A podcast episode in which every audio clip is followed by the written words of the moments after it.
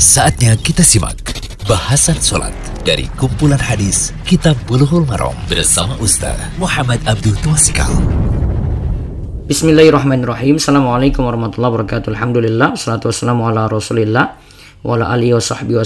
Kali ini kita berada di audio ke-114 dari kitab Bulughul Maram karya Imam Ibnu Hajar Al-Asqalani kitab salat bab sifat salat. Ada tiga hadis yang kita bahas ini tentang cara sujud dan ruku sebagai pelengkap dari hadis-hadis sebelumnya. Hadis ke-298. An Ibnu Buhaina radhiyallahu anhu anna Nabiy sallallahu alaihi wasallam kana idza shalla farraja baina yadayhi hatta yabdua bayadu ittaihi muttafaqun alaih. Dari Ibnu Buhaina radhiyallahu anhu Nabi sallallahu alaihi wasallam apabila sujud Beliau merenggangkan kedua tangannya hingga tampak putih kedua ketiaknya. Hingga tampak putih kedua ketiaknya. Nah, di sini jelas gimana cara Nabi Shallallahu alaihi wasallam itu sujud. Terus yang hadis 299. Wa anil Barra bin Azib radhiyallahu anhuma Qal qala Rasulullah sallallahu alaihi wasallam idza sajadta fadha kaffaika warfa mirfaqaika rawahu muslimun dari Al-Barra bin Azib radhiyallahu anhuma ia berkata bahwa Rasulullah sallallahu alaihi wasallam bersabda bila engkau sujud letakkanlah kedua telapak tanganmu dan angkatlah kedua sikumu. Ini hadis riwayat Muslim. Dan hadis ke-300 Anwa'il Ibnu Hujrin radhiyallahu anhu anna Nabiya sallallahu alaihi wasallam kana idza raka'a farraja baina asabihi wa idza sajada dhamma asabi'ahu. Rawahul hakimu.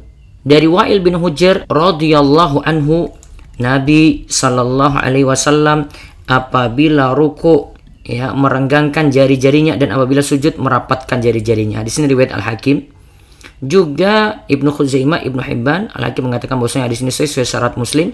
Ali Haythami uh, menyatakan bahwa hadis ini hasan. Hadis ini punya penguat dari hadis Abu Mas'ud Al-Badri tentang sifat sholat Nabi.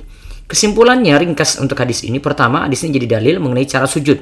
Adalah dengan terkumpul tiga cara berikut. Jadi harus ada tiga cara ini di dalamnya. Pertama, menjauhkan lengan. Yaitu lengan atas dari samping. Dari samping kita artinya terbuka ketika sujud dan serius melakukannya. Sehingga tampak orang sujud itu semangat tidak malas. Tadi hingga tampak ya ketiak.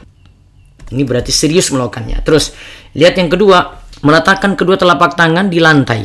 Dan kedua telapak tangan ini merupakan anggota sujud. Sebagaimana telah kita bahas sebelumnya ya. Lalu jari-jari dalam keadaan dirapatkan dan dihadapkan ke arah kiblat. Kemudian yang ketiga yang mesti ada ketika sujud adalah mengangkat lengan bawah dari lantai karena ada larangan meletakkan lengan bawah itu di lantai saat sujud. Hadisnya dari Anas.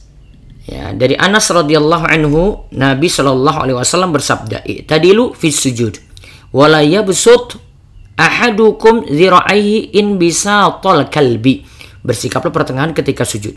Janganlah salah seorang di antara kalian menempelkan lengannya, yaitu lengan bawahnya tadi ya, di lantai seperti anjing yang meletakkan lengannya di lantai. Hadis ini riwayat Bukhari dan Muslim. Terus faedah lagi yang berikutnya, ketika ruku adalah dengan merenggangkan jari di lutut dalam keadaan menggenggam lutut. Sedangkan ketika sujud adalah jari dirapatkan dan diletakkan di lantai lalu dihadapkan ke arah kiblat. Semoga jadi ilmu yang manfaat. Allah ibarik Demikian bahasan sholat dari kumpulan hadis Kitab Bulughul Maram bersama Ustaz Muhammad Abdul Tuasikal.